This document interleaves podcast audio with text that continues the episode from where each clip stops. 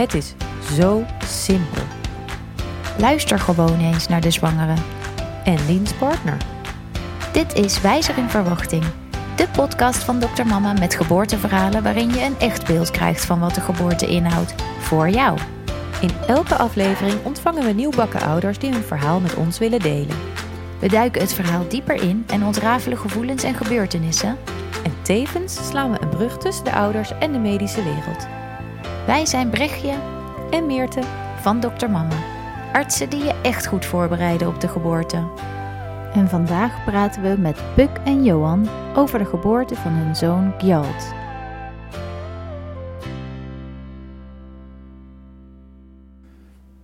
We hebben ons behalve een cursus wat magertjes voorbereid op de grote dag. Tot grote frustratie van onze omgeving. Waarom?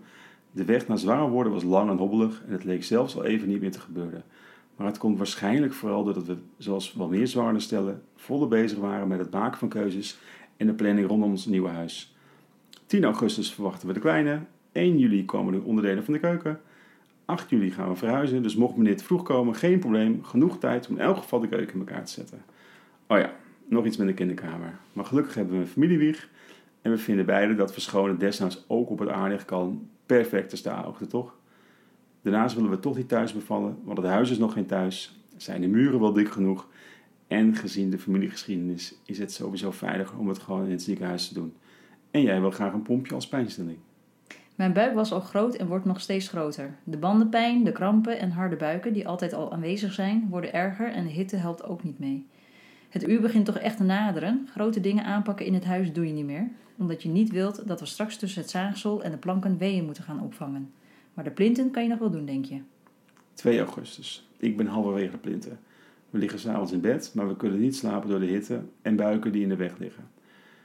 Wij zijn aan het kletsen en zien de maan door het raam. Puk denkt dat ze met volle maan gaat bevallen. Het is nog geen 10 augustus, onze uitgerekende datum, en het is ook nog geen volle maan. Pff.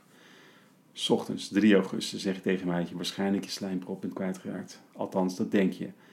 Maar wat kan wat anders zijn? Ligt er paniek? Hoe zou dat ook alweer? Even googelen. Oh ja, dat kan nog weken duren. Juist ja, paniek. Lieve schat, ik weet niet wat je wil gaan doen, maar geef me alsjeblieft nog een paar uurtjes zodat ik de plinten kan afmaken. Die avond liggen we in bed. De plinten zijn klaar, het huis is opgeruimd. We maken nog snel even een laatste foto van je buik, want je weet maar nooit.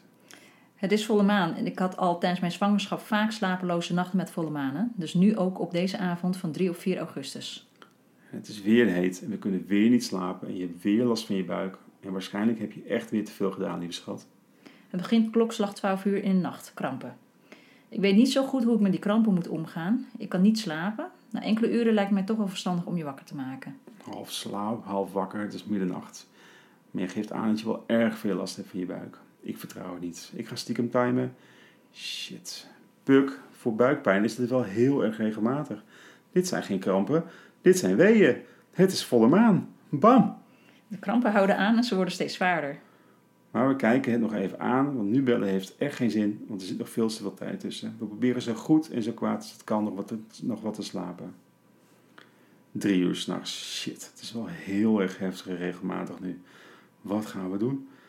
Jij wil de verloskundige niet wakker bellen om dan te horen te krijgen dat we nog even moeten wachten. Jij wil het nog even aankijken. De tijd gaat snel voorbij. Opeens is het licht, om zo'n 4 uur in de ochtend. Ja, we mogen de verloskundige bellen. Eerder wisten we niet zo goed of we gedurende de nacht nou zouden bellen. Want stel je voor dat het niks is, dan heb je toch iemand midden in de nacht wakker gemaakt. We bellen de verloskundige. Ze komt zo snel mogelijk. Het is vijf uur s'nachts, de weeën komen binnen als golven, voorspelbaar en zwaar. Je probeert ze op te vangen en het enige wat ik kan doen is ervoor te zorgen dat je dit zo goed mogelijk kan doen. Ademhaling, massage, tegendruk, steun en rust zoeken wanneer dat kan. De verloskundige is er en ze gaat toucheren. Dat is 8 à 9 centimeter ontsluiting, zegt ze. Ik schrik me dood. Wat? 9 centimeter? Maar nee, ze wacht nog even op een wee. Pff, Het valt mee. Het is geloof ik iets van 5 centimeter. We moeten dus nog even door. We krijgen te horen dat ze ons niet gaat helpen met de bevalling. Want haar dienst zit erop. Om 9 uur zou haar collega langskomen om te kijken hoe het gaat. Dat is nog drie uur. Nog drie uur? Dat ga ik niet redden. Ik ben nu al moe van een weeën. Maar dan denk ik, ik ben weer een stuk dichterbij van de komst van een baby op de wereld. Even doorzetten. Alles gaat goed. En je bent echt ontzettend goed in het opvangen van weeën. Maar ik merk dat je korter gaat ademhalen en wat gaat verkrampen. Wanneer kikken die endorfines nou eens in? Fuck, wat is het zwaar. Maar wat doe je het goed, lieve schat. Maar blijf op je ademhaling letten. Rustig blijven. En ga aan mij hangen of aan de balustrade en weer die rust zoeken. Je kan het, lieve schat. Om 9 uur belt de verloskundige. Ze heeft nog een afspraak en die zal waarschijnlijk wat uitlopen. Of ze wat later kan komen. Ik vraag het toch maar even, maar jij bent lekker duidelijk. Wat later dan gewild, maar toch op tijd, komen de verloskundige en de kraamzorg binnen. Je doet het supergoed. En we weten dus allebei de rust te pakken tussen de weeën door en je blijft supergoed doorademen. De drie uur weeën zijn zwaar en eindelijk komt de verloskundige bij ons thuis. Mooi, denk ik. Kunnen we meteen door naar het ziekenhuis. De ontsluiting gaat echt goed. We zitten al op 9 centimeter. En ondanks dat we nu te laat zijn voor een pompje, willen we toch proberen om in het ziekenhuis te bevallen.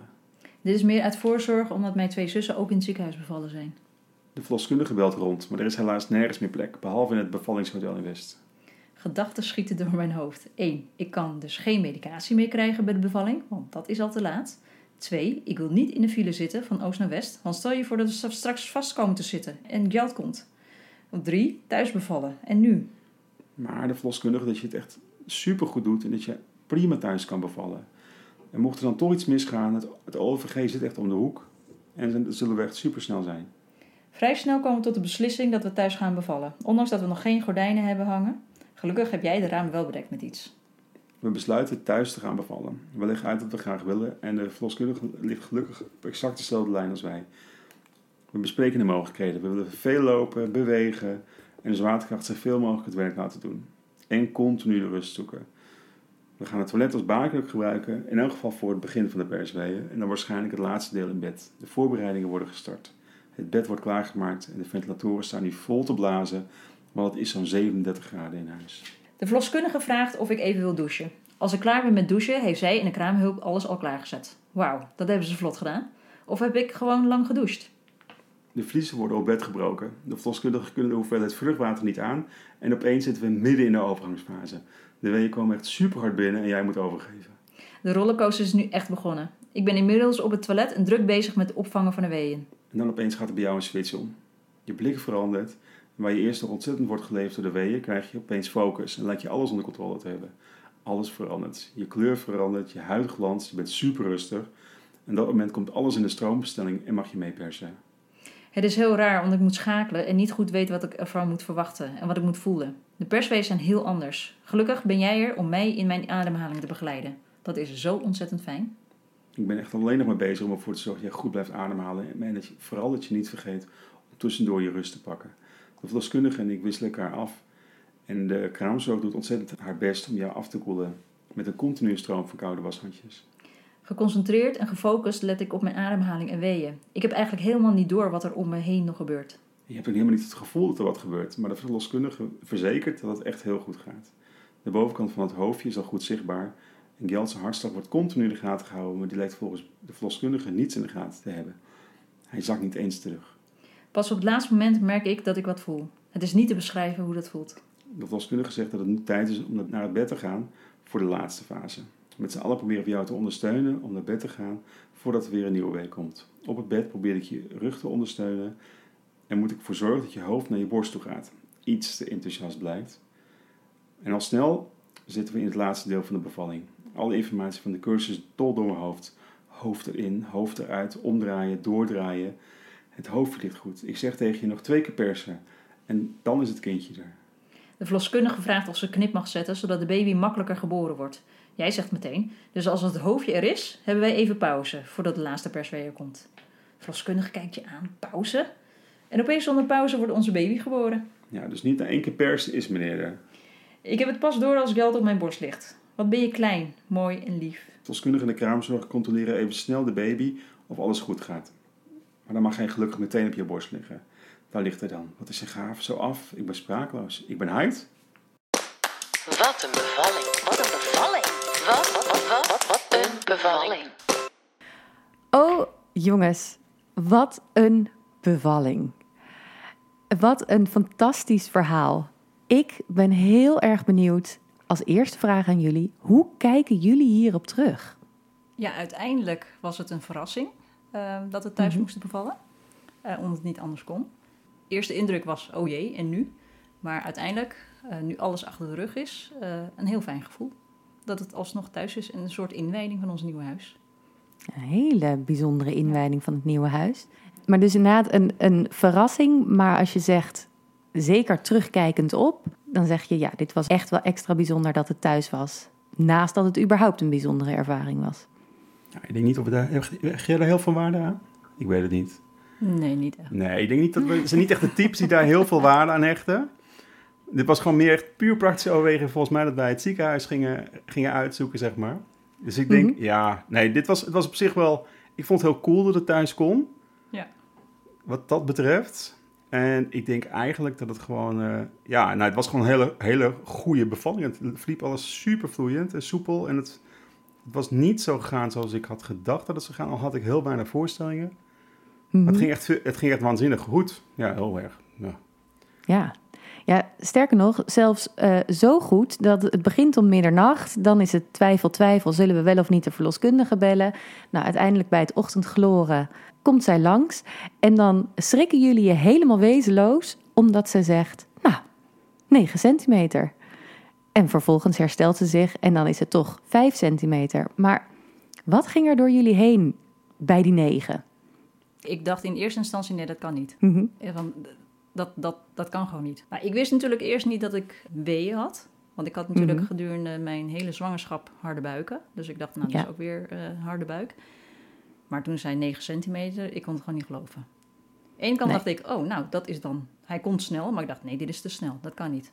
En toen ze daarop terugkwam van, het is 5 centimeter... dan was er wel ook wel een beetje opluchting. Van, oké, ik heb nog even. Ja, dus het, het, was, het was te hard schakelen geweest als het in één keer naar 9 was Ja. Want toen dacht ik van, dit kan toch niet? Want ik associeer weeën en, en, en persweeën namelijk dat als heel pijnlijk Mhm. in mijn gedachten. Daarom, vandaar dat ik eigenlijk in het ziekenhuis wilde bevallen Mhm. eh, met een pompje.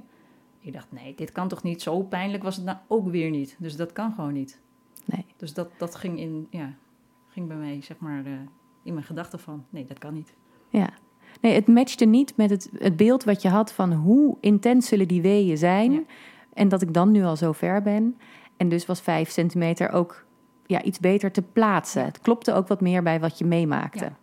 Ja, dat is sowieso, denk ik, in combinatie met wat ik over verhalen kende van mensen die al met ontsluiting rondlopen tijdens een zwangerschap.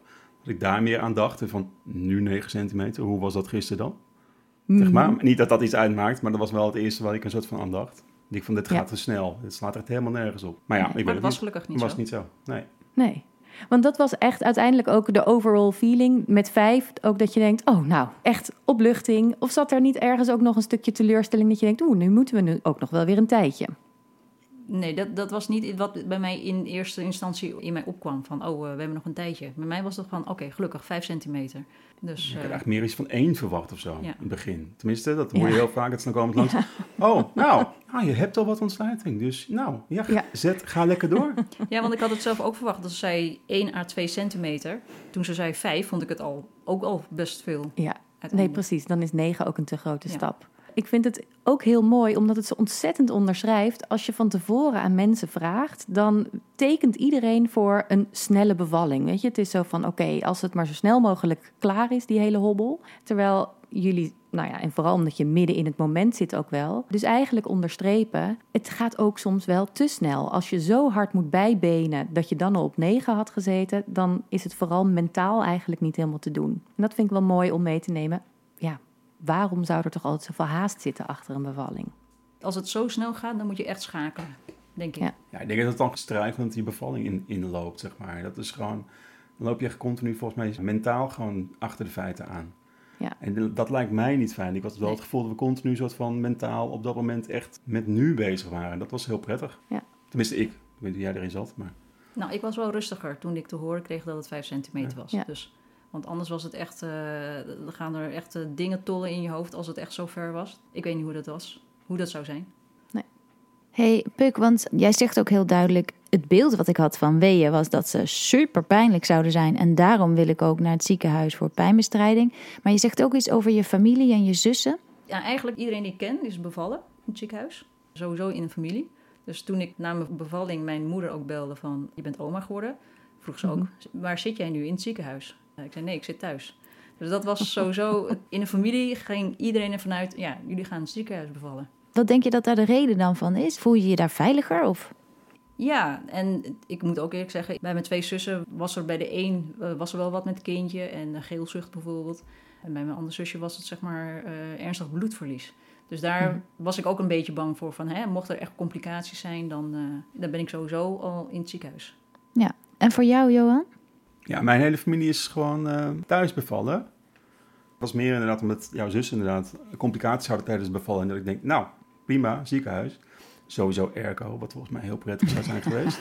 ja. Los daarvan. Ehm, maar eh, nee, nee, dus het was in die zin, ja, het ziekenhuis was prima. Puur praktisch. Maar toen wij moesten beslissen waar we wilden bevallen, waren wij nog niet verhuisd. Dus we wisten, wisten ook toen de tijd niet, Mhm. zeg maar, hoe ver we zouden zijn Ja. In, in het verhuisproces. Nou ja, precies. En of er gordijnen zouden hangen, niet dus. Ja, Ja, dus ja, dus uit een beetje planning van eh, laten we toch een beetje Ja. ruim houden voor onszelf. Ja. Makkelijk in het ziekenhuis. we hadden de sleutel ook nog nooit echt, we waren echt nooit echt goed binnen geweest. En dan, het begin is dan een heel leuk huis, Het klinkt gewoon heel gehoordig. En dat klinkt niet echt als een heel aantrekkelijk geboorteplekje. Ja, precies wat je omschrijft, wat ik zeg. Geen gordijnen, tussen het zaagsel, eh, kind op het aanrecht. Ik kan me voorstellen dat het dan misschien niet zo heel afvoelt.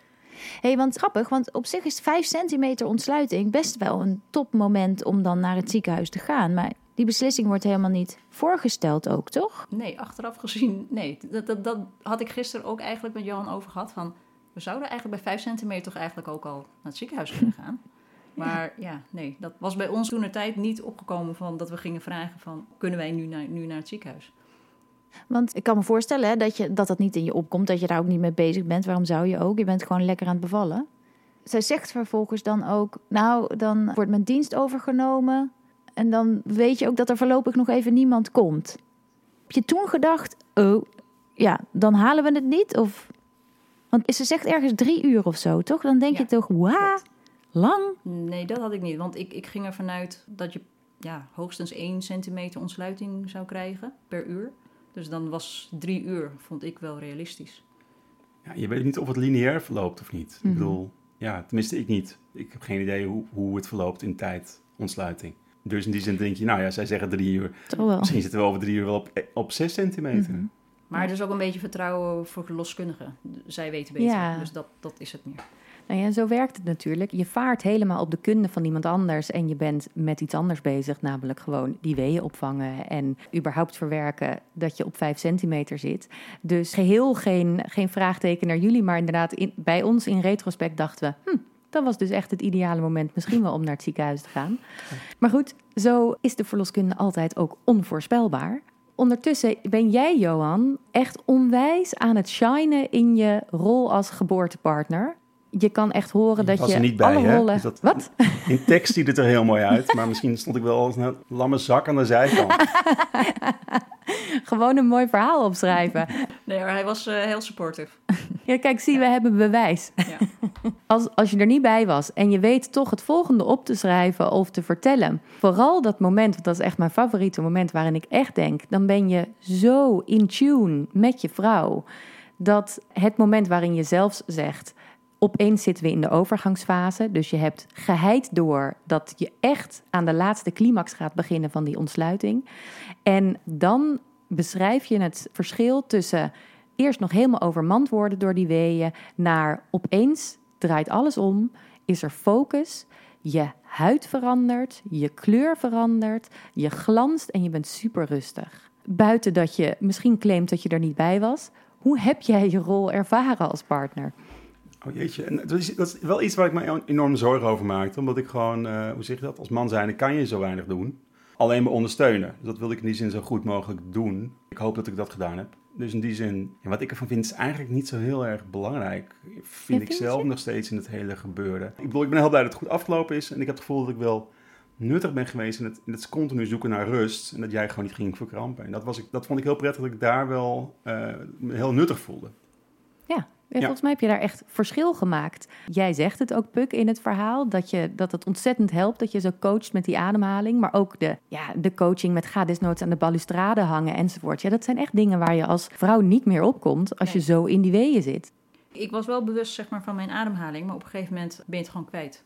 En Ja. eh, hij was dan degene die ging monitoren. En eh, dat hij dan constateerde van, hé, je ademt nu te hoog. Dieper ademhalen. En dan word ik dan weer zeg maar op geremind van, oh ja, ik moet weer even rustig ademhalen. Nou, in het begin word je gewoon on- onwijs geleefd. Dat vind ik echt wel iets waar je gewoon... Ja, als je dat in je eentje moet doen, echt serieus. Volgens mij hadden we allebei wel meteen daarna iets van alleenstaande moeders. Holy smackers. Ja, ja. Wat een respect.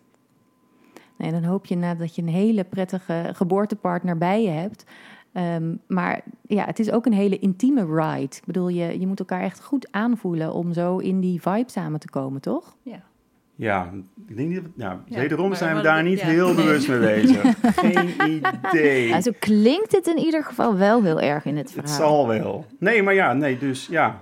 Ja, dus, blijkbaar. Ik wil nog heel graag even naar dat punt hè, dat de verloskundige komt. En dan is er ineens 9 centimeter ontsluiting. En Puk, daar, bij jou gaat er dan al meteen van alles door je hoofd. Je maakt een soort drie stappen. Dit kan nu niet meer, geen pijnstilling. eh, Ik ga dus thuis bevallen. Hoe hebben jullie die switch gemaakt? Want het was nogal een behoorlijke. Nou, ik, ik heb de verloskundige wel gevraagd als er complicaties zijn eh, of komen tijdens de bevalling, eh, wat dan? Want dan zitten we thuis. Nou, toen zei ze wel dat de ambulance dan meteen zou komen. En daardoor was ik eigenlijk gerustgesteld. Dat ik dacht, nou, waarom eigenlijk ook niet? Als zij zegt dat het kan. En zij had ook van tevoren ook naar hartslag van, eh van Jalt eh, zitten luisteren in mijn buik. En die lag volgens mij te slapen. Eh, had gehele, gedurende de hele bevalling had, het, had hij het niet door. Totdat echt eh, de persweeën kwamen. Ja, ik, ik had volste vertrouwen in, eh, in de verloskundige eigenlijk. Wat fijn. Ja, we hadden ook heel even een naamsverandering gedacht, zeg maar, tijdens de bevalling. We eigenlijk hadden we hem Swatch moeten noemen, omdat hij zo regelmatig was. Dat was echt scary. Ook leuk. Ja, nee, daar, ehm, dat je dat ook nog door je hoofd kan laten gaan, dat is dan toch wel heel erg eh, bijzonder. Nee, maar daar, daar spreekt echt heel veel van uit. En ook hoe daarna alle wensen doorgesproken worden. We willen zoveel mogelijk rechtop, blijven bewegen. We kunnen de wc gebruiken als een baarkruk in het begin. Dus er wordt gewoon heel goed met jullie gecommuniceerd en eh, samengewerkt, volgens mij. Ja. Wat dus helpt aan het vertrouwen. Nou, dan kunnen we ook wel dit thuis verder gaan afmaken. Ja, ja, het klikt gewoon heel goed met de, Ja. met de verloskundige. Tenminste, ik denk dat dat gewoon voornamelijk heel erg veel verschil heeft gemaakt. Omdat we heel erg met haar op één lijn zaten. En zij zat van, oh, maar dan gaan we dit doen en dit en dit. En dit kunnen we doen en dit kunnen we doen. En als jullie dit willen, dan... En dat was heel precies wat we graag zouden willen. Tenminste, wat, ja, Ja. wat we van tevoren besproken hadden. We hadden niet zo heel veel besproken. Als in omdat je niet zo heel veel weet wat je nog te wachten gaat staan. Dus je kan wel een wijs plan gaan verzinnen. Nou, je ziet nu alweer wat er dan van terecht gaat komen. En Dus maar in die zin was wel volgens mij gewoon met zwaartekracht mee was gewoon het allerbelangrijkste. Ja, want dan eh, gaat het nog steeds allemaal super vlot. Het is wel inmiddels 37 graden. Je gaat er maar aan staan. En dan flitst het alles van de cursus nog even door je hoofd heen. Maar vlak voor dat moment van geboren worden zijn er ook wat vraagtekens. Eh, pauze? Huh? Waar heb je het over? En ook een knip. Neem ons heel even mee naar dat laatste stukje. Wat gebeurde er toen? tijdens de cursus hadden wij dus geleerd dat eerst het hoofdje hè, komt er eerst door Mhm. en dan eh, de schouders dan moeten dan draaien. Volgens mij dacht jij dat dat wel even duurde. Nou, ik kan me nog herinneren, met dit, volgens mij jij zei dat je dan Ja. zo'n laatste, vlak voor dat laatste persmoment, dat je dan tegen- elkaar aankijkt van, maar nu worden we ouders. Dus ik had heel erg gehoopt op dat moment. Ja, nou niet dus, helaas. Nee, dat moment is dus volledig ja, aan ons ontnomen. Vond- Ze voelden het ook echt. Ontnomen, Ja. Ja, Dus, maar het laatste moment was ook wel, was ook wel grappig hoor. Want eh Johan moest mij helpen met mijn hoofd naar mijn borst eh, eh, houden. En hij drukte mij een beetje te ver door, dat ik niet meer kon ademhalen. ja. Dus, eh, je enige- stikte gewoon. Ja, dat zegt ik- dat gewoon, maar gewoon, je stikte. Dus wat ik alleen kon zo. doen, is hem gewoon wegslaan. en eh, en eh, ja, en, en toen was ik er opeens. Op, ja, ik had zelf niet beseft dat hij opeens op mijn borst lag. Dus dat was gewoon heel... eh, ja, Ja. was eigenlijk een leuke verrassing. Ja, nee, want daar, daar zit inderdaad precies dat stuk dat je denkt: oh ja, ergens komt er nog zo'n soort vertraging, dat alles in slow motion lijkt te gaan. En dan heb ik het vooral over het stuk dat het hoofd staat en niet meer terugzakt. En dan weet je eigenlijk dat bij de volgende wee de baby geboren gaat worden. En dan heb je inderdaad die twee of drie minuten pauze. Nou, denk ik dat het hoofd toch nog niet helemaal stond, maar ja, daar net niet kwam. En de verloskundige stelt dan voor: zal ik een knip zetten? Want dan komt hij. Dat is een Ja. beetje mijn invulling. Klopt Nou, dat? Het, bij mij kon het, toen ze dat zei, was er ook een beetje opluchting eh, Mhm. dat ze dat vroeg. Want ik, ik, ik was al heel moe. Want het toilet wa- wat we gebruikten als baarkruk, zagen ze hun hoofdje al, zeiden ze. Mhm. Maar het ging dan weer steeds terug. Ja. En het was te nauw, dus kon hij niet goed door. Dus toen ze voorstelden om een knip te zetten, wist ik niet eh, hoe hard ik ja moest zeggen. Mhm. Eh, en snel. En ik zei, en, want ik had qua in gedachten had ik zoiets van, hij moet eruit. Hij moet er Ja. nu echt uit. Jij was helemaal aan het eind van de strijd en je kreeg eigenlijk het laatste setje over de finish heen. Ja. Eh, waarbij je zelf dacht, ik zou niet weten hoe ik die laatste twee Ja. meter moet afleggen in die marathon. Ja. Ja. Mini Mini Masterclass, Mini Mini Masterclass met Dr. Mama. Bij een episiotomie, meestal een knip genoemd of epi, wordt met een schaar de huid en spierlaag van de bekkenbodem ingeknipt, waardoor er meer ruimte ontstaat voor de baby om geboren te worden. De plek van de knip wordt altijd eerst verdoofd, waardoor je er zo min mogelijk van voelt. De knip kan gezet worden door een verloskundige of een arts en kan dus ook thuis gezet worden. Door de knip maak je letterlijk meer ruimte. Vergelijk het maar met een kooltrui die je net niet over je hoofd heen krijgt. Een knipje in de kool en het lukt wel. Een knip in je vagina met een schaar is voor veel zwangeren een angstbeeld. Een bekend gegeven uit de psychologie is dat hoe meer informatie je hebt, hoe meer dat angstreducerend zal werken en hoe meer dat het controlegevoel vergroot. Dit is bij uitstek zo bij de knip. Wanneer een knip gezet wordt, treedt er schade op aan het lichaam die vaker problemen geeft bij de vrouw dan wanneer er een spontane scheur in het perineum optreedt. Zo hebben vrouwen die worden ingeknipt vaker en langer pijn, meer bloedverlies, vaker pijn rondom het vrije en vaker een lage spierspanning in de bekkenbodem dan vrouwen die inscheuren. Voorheen was de gedachte dat een knip het risico op diep inscheuren of schade aan de bekkenbodem en problemen bij de baby zou verminderen. Daarmee was het rond 1980 een bijna routinematige ingreep. Inmiddels is er meer duidelijkheid over de negatieve gevolgen van de knip en is het advies in alle richtlijnen om terughoudend te zijn met de knip. In Nederland wordt bij 29% van de geboortes van een eerste kind een knip gezet. Opvallend is dat er grote verschillen zijn per regio. Ook tussen landen zijn grote verschillen. Zo blijft in Scandinavië het percentage knippen ruim onder de 10%. Over de reden om een knip te zetten is veel discussie. Waar iedere zorgverlener het over eens is, is dat als de conditie van je baby erom vraagt, een knip zinvol kan zijn. Dus wanneer je kindje in nood is, is een knip, al dan niet met een kunstverlossing als een vacuüm, een goede indicatie. Alle andere redenen om een knip te zetten kunnen niet goed wetenschappelijk onderbouwd worden. Dat maakt het bij uitstek belangrijk om hulpverleners te bevragen over de reden van het zetten van een knip op dat moment en de mogelijke alternatieven. Meebeslissen is heel belangrijk voor je eigen autonomie. En er is expliciete toestemming van jou nodig om de knip te mogen zetten. Dus als je de reden niet goed begrijpt, dan is vragen stellen nuttig en kan aanzetten tot klinisch denken bij de hulpverlening. Zo kunnen er alternatieven worden bedacht, zoals meekijken met een spiegeltje, weeënopwekker starten of van houding veranderen, waardoor er een weldoordachte beslissing kan worden genomen waar jij ook achter kan staan. Goed geïnformeerd worden en ruimte om om alternatieven te vragen zijn dus erg belangrijk. Niet alleen verkleint dit het risico van een traumatische ervaring, er is bij de knip bij uitstek ruimte voor discussie, omdat de wetenschappelijke onderbouwing van het nut niet zo sterk is en voor interpretatie vatbaar. Kan je je voorstellen dat als, als ze het niet voorgesteld had, dat het dan ook niet in je hoofd naar boven was gekomen? Het enige wat ik alleen maar dacht is, hij moet eruit, hij moet eruit. Ja. En Ja. eh, meer niet. En wat er allemaal om me heen gebeurde, ik, ik, ja, geen flauw benul. Dus Nee. ik- er kwam ook niet in mij op van, goh, laten we een knip inzetten. Mag dat? Nee, dit, Ja. eh, Nee, dat... als het eh, maar klaar was. ja. Nee, het is denk ik ook vooral met wat Puk ook net zei, zeg maar, omdat het hoofdje steeds weer terug, zeg maar, weer naar binnen ging. Dat het gewoon wel, dat is iets wat wij met z'n tweeën niet in het begin heel erg meekregen natuurlijk, omdat je gewoon die medische Mhm. kennis gewoon mist. En wat daar dan het effect van is. Dus Ja. ik denk dat dat, dat ook gewoon, is, nou ja, gewoon gebrek aan ervaring wat dat betreft. En medische Ja. achtergrond, zeg maar. Ja. Ja. Nou, plus daar heb je de verloskundige natuurlijk voor om dat in de gaten te houden. Ja. Stel je voor Ja. dat je dat er ook nog bij moest nemen bij al je rollen. Terwijl je je vrouw wurgt en zij jou eh, van zich af probeert te slaan. Ik zie het helemaal voor me. Een brug tussen de ouders en de medische wereld, die gebouwd is op vier pijlers. Hoe symbolisch wil je het hebben?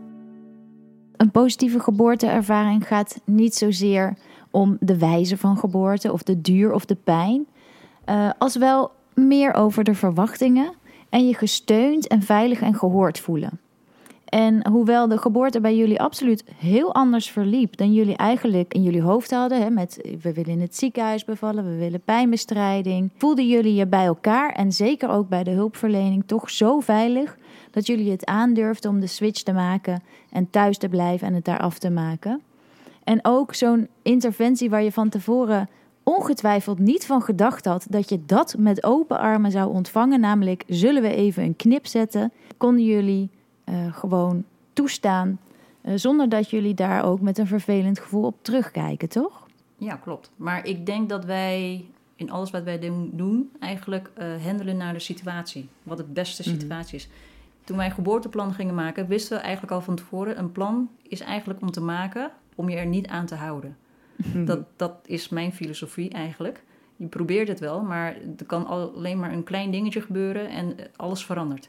Dus wij zijn allebei wel mensen die op de situatie anticiperen en daar ook heel flexibel mee omgaan. Oké, wat is het beste dan voor nu? Dus dat, dat, ja, dat heeft wel heel erg geholpen, denk ik. Ja, dus jullie hebben echt realistische verwachtingen gehad en daarbij een open mind voor alle scenario's die mogelijk eraan te pas zouden kunnen komen. Ja. Ik denk vooral in situaties als dit, wat zo heftig is als een bevalling. Ik had in elk geval geen, probeerde in geval zo min mogelijk verwachtingen te hebben. En ik ben er ook wel actief mee bezig geweest om dat gewoon niet daar een beeld bij te proberen te scheppen. Omdat je denkt, ja, omdat het toch nooit loopt zoals je denkt dat het zal gaan lopen. Ja, eens. Dus dat is ook nog in karakter iets echt extra's wat jullie bijgedragen hebben, namelijk gewoon go with the flow en we gaan het zien en daarop anticiperen. Net zo goed als dat jullie zeiden, dan maar verschonen op het aanrecht. Waar ik nog wel heel benieuwd naar ben, werkt dat een beetje? Nou ja, we hadden dus een, uh, we werden een beetje onder druk gezet, zeg maar. en door die familie, dus het was niet? meer zoiets van, er was op een gegeven moment iemand die zei van, nou ja, je gaat dus nu een commode halen, of wij doen het. mijn, uh, mijn zusje heeft uh, ons enorm geholpen met kinderkamer in orde krijgen. Dat was één week van tevoren voor de bevalling. Was het net uh, dat we alles zeg maar in elkaar hebben gezet. Dus uh, ja. dat was eigenlijk het laatste waar we aan dachten. Want gedurende de hele bevalling, tot zeg maar dat ik echt moest bevallen, waren we gewoon continu bezig met het nieuwe huis. En ook met het verkoop van ons oude huis. Ja. Dus uh, ja. Nou ja, en coronacrisis hielp daar niet heel erg bij, zeg maar. Er zaten we opeens ook middenin. Dus thank God voor de zusjes. Ja. Ja, Marktplaats. Dankjewel, Marktplaats. dus ik had zeg maar dus diezelfde ochtend via Marktplaats en 25 euro volgens mij. Een uh, prachtcommode. Prachtcommode. Ja. Uh, mooi jongens. Daar uh, kan ik alvast smakelijk om lachen. Maar wie weet is er nog een leuke anekdote die helemaal past bij jullie ja, uh, bevalling, dan wel zwangerschap, kraamtijd. Viel er nog wat te lachen?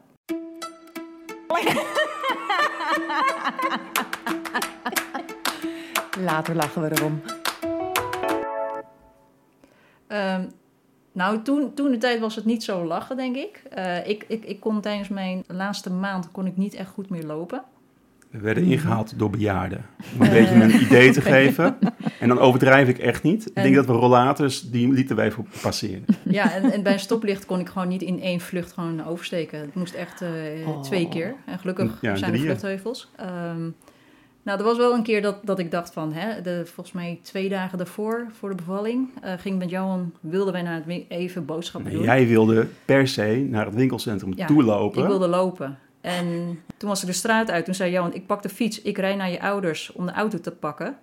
En, en, en kom je dan wel tegemoet? En hij heeft vervolgens de auto geparkeerd voor, voor de supermarkt. En is mij toen tegemoet gaan lopen. Uh, en ik was straat nog niet eens uit. Dus dat was, ja. Dus uiteindelijk kan ik er wel om lachen. En, uh, maar dan, dan nu, nu ik alles weer kan, besef Ja. ik ook van... hoe langzaam heb ik dan in godsnaam gelopen? Bizar. Dat is heel raar.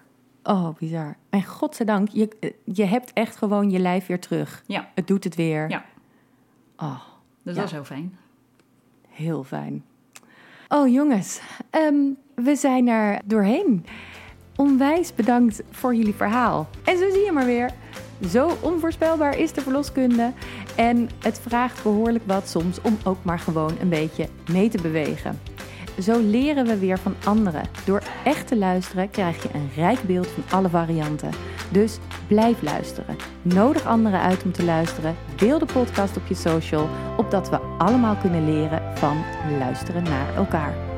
Mocht je een beter beeld willen krijgen van onze cursussen, je kan de eerste les altijd gratis aanvragen. Check de show notes. Echt mega bedankt voor het luisteren weer. Volgende week een bevalling die helemaal stil komt te liggen.